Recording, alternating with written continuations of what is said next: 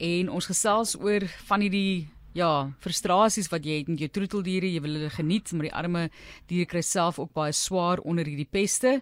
En dit is dokter Ingrid de Wet wat volgens aan die woord is van die Country Animal Clinic op Somerset West, deel van die Eberwet groep en ons leer meer van hoe jy parasietbeheer kan toepas by jou troeteldiere. Baie welkom dokter de Wet. Watter parasiete gee die arme honde en katte soveel probleme? Ehm um, ek dink die wat ons die meeste sien ehm um, is vloeie en bosluise en ek dink baie mense het of ervaring daarmee op hulle diere. En dan natuurlik jou myte of die uh, parasiet wat brandsiek veroorsaak en wurms is maar ietsie wat ons nie altyd sien nie, maar ons moet definitief in ag neem veral as die dier vloeie ook het. So lintwurms gaan in dieselfde lewensiklus as die vloeie. So daai is die groot kategorie van parasiete. Ehm um, en dan natuurlik kan daai parasiete ander siektes veroorsaak. So ons weet ons bosluise kan bosluiskoors veroorsaak of ehm um, in Engels en dan kan hulle ook bosluisbytkoors oordra wat bietjie erger is in sommige gevalle. Ehm um, en jou vloeie kan natuurlik allergieë veroorsaak. So daar's allerlei goeters wat as gevolg van hierdie peste kom en dis hoekom ek graag daaroor wil praat dat ons dit kan beheer. Ek wil net sê jy het nou verwys byvoorbeeld na allergieë en vloeie. Mense sal sê my hond juk en dan dink hulle dadelik dis vloeie en baie keer is dit allergieë en dan behandel jy nou nog ook met 'n vloei behandeling en dan is dit die vloeie nie en dan maak jy die allergie en die arme vel net soveel erger. So diagnose is ook baie belangrik. Absoluut. As jou hond of kat juk en jy het nog in die laaste maand vloeie behandel nie, dan doen dit wel. En soms sal dit die probleem oplos, maar as dit nie die probleem oplos nie, moet hulle definitief so vinnig as moontlik by veearts uitkom dat ons die, die diagnose kan maak en spesifiek kan behandel. Goed, so kom ons gesels dan nou oor daardie beheer, die eksterne parasiete eerstens. Ja. Ehm, um, ek weet nie of julle my nou kan hoor. Ons kan jou duidelik hoor, ja. Ja, okay, daar's net musiek daar in die agtergrond. Ehm um, so die beheer van ek, eksterne parasiete se vloeie en bosluise moet 'n mens ehm um, kyk na langwerkende produkte. So baie keer in die ou dae het ons maar dip of vloeipoeier gebruik wat glad nie goed gewerk het nie. So jy wil jou veearts of jou jou wetshop gaan raadpleeg vir 'n langwerkende produk en daar's 'n klomp op die mark of 'n tapspat of 'n pil wat jy kan gee sommige hou vir 3 tot 4 maande. So mense moet veral verstaan dat vloeie in 'n lewensiklus gaan van so 3 maande. So dit vat ten minste 3 maande se behandeling om dit onder beheer te kry. Ehm um, so dis baie belangrik. En en die rede hoekom dip nie werk nie is dit werk net vir die tydperk wat die dier nou nat is. Ehm um, en dis ook gevaarlik vir sommige diere. So jy wil graag 'n 'n tapspat of pil by jou veearts kry om jou vloeie en sluise onder beheer te kry. Ons gesels hier op RSG oor daardie parasiete. Volgende is dit brandsiek en hoe jy dit behandel.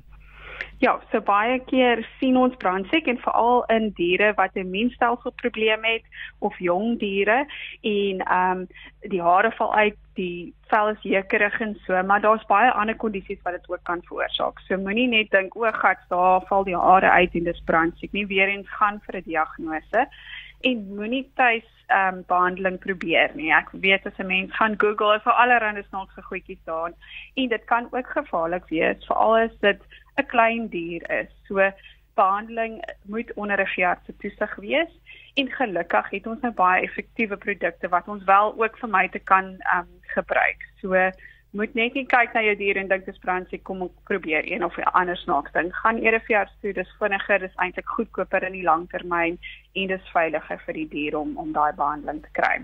Ons veearts is dokter Ingrid De Wet. Kom ons gaan van buite na binne. Ons gaan na die wurm toe. So ja. is wurms 'n uh, probleem in 'n huishouding. Absoluut. So hulle is maar goeters wat ons nie altyd sien nie en baie keer um, is die 'n volwasse wurm in die dier se darmkanaal. So jy sien dit nie. Die eiers is mikroskopies. So jy is nie eers bewus van 'n probleem nie, maar omdat diere deel van ons gesin is en ehm um, hulle lek ons gesigte en so, kan hulle wurms vir ons ook gee. So dit is baie belangrik om seker te maak dat ons 'n program in plek het om die wurms onder beheer te hou. Ja, so hoe beheer ons wurms? Ja, goed. So eerstens kyk ons na daai spesifieke dier se risiko as jy nou 'n binnekat het, wat gekookte kos of of ehm um, gewone kos eet, is die kans en die risiko baie klein. So daar sal ons sê elke 6 maande moet hulle wurmpil kry. Ehm um, as hulle 'n kat is wat rondloop en hulle jag baie na voëls en muise kom baie keer in die huis in, dan moet ons kyk na ten minste elke 3 maande of soms maandeliks om om daai diere te ehm um, 'n pil te gee. Ek weet as ek nou sê 'n kat moet 'n pil kry, dan begin mense al klaar stres want dit is moeilik ook noem daar's 'n paar produkte wat nou saam met jou vloei en bosluis spul ehm um, 'n medikasie kom wat jy agter op die nekkie sit en dit behandel ook wurms. So as jou kat moeilik is, gaan vra sommer vir die produk wat jy agter op die nekkie kan sit vir die wurms. En dan met honde sal ek sê ten minste elke 3 maande tensy hulle baie gereeld in kontak kom met ander diere, dan moet hulle meer gereeld ontferming kry en dis maklik daar's 'n klomp verskillende pille op die mark sommige is koubaar en proe lekker en so dit daar's regtig opsies daar om dit maklik in te kry. Maar rou die ete in wurms, is dit 'n yes. risiko of 'n groter risiko? Absoluut. So dit is 'n hoë risikofaktor. Voor en in die rede hoekom ons ons kos kook is om daai wurmeiers en so wat in die vleis voorkom heeltemal dood te maak.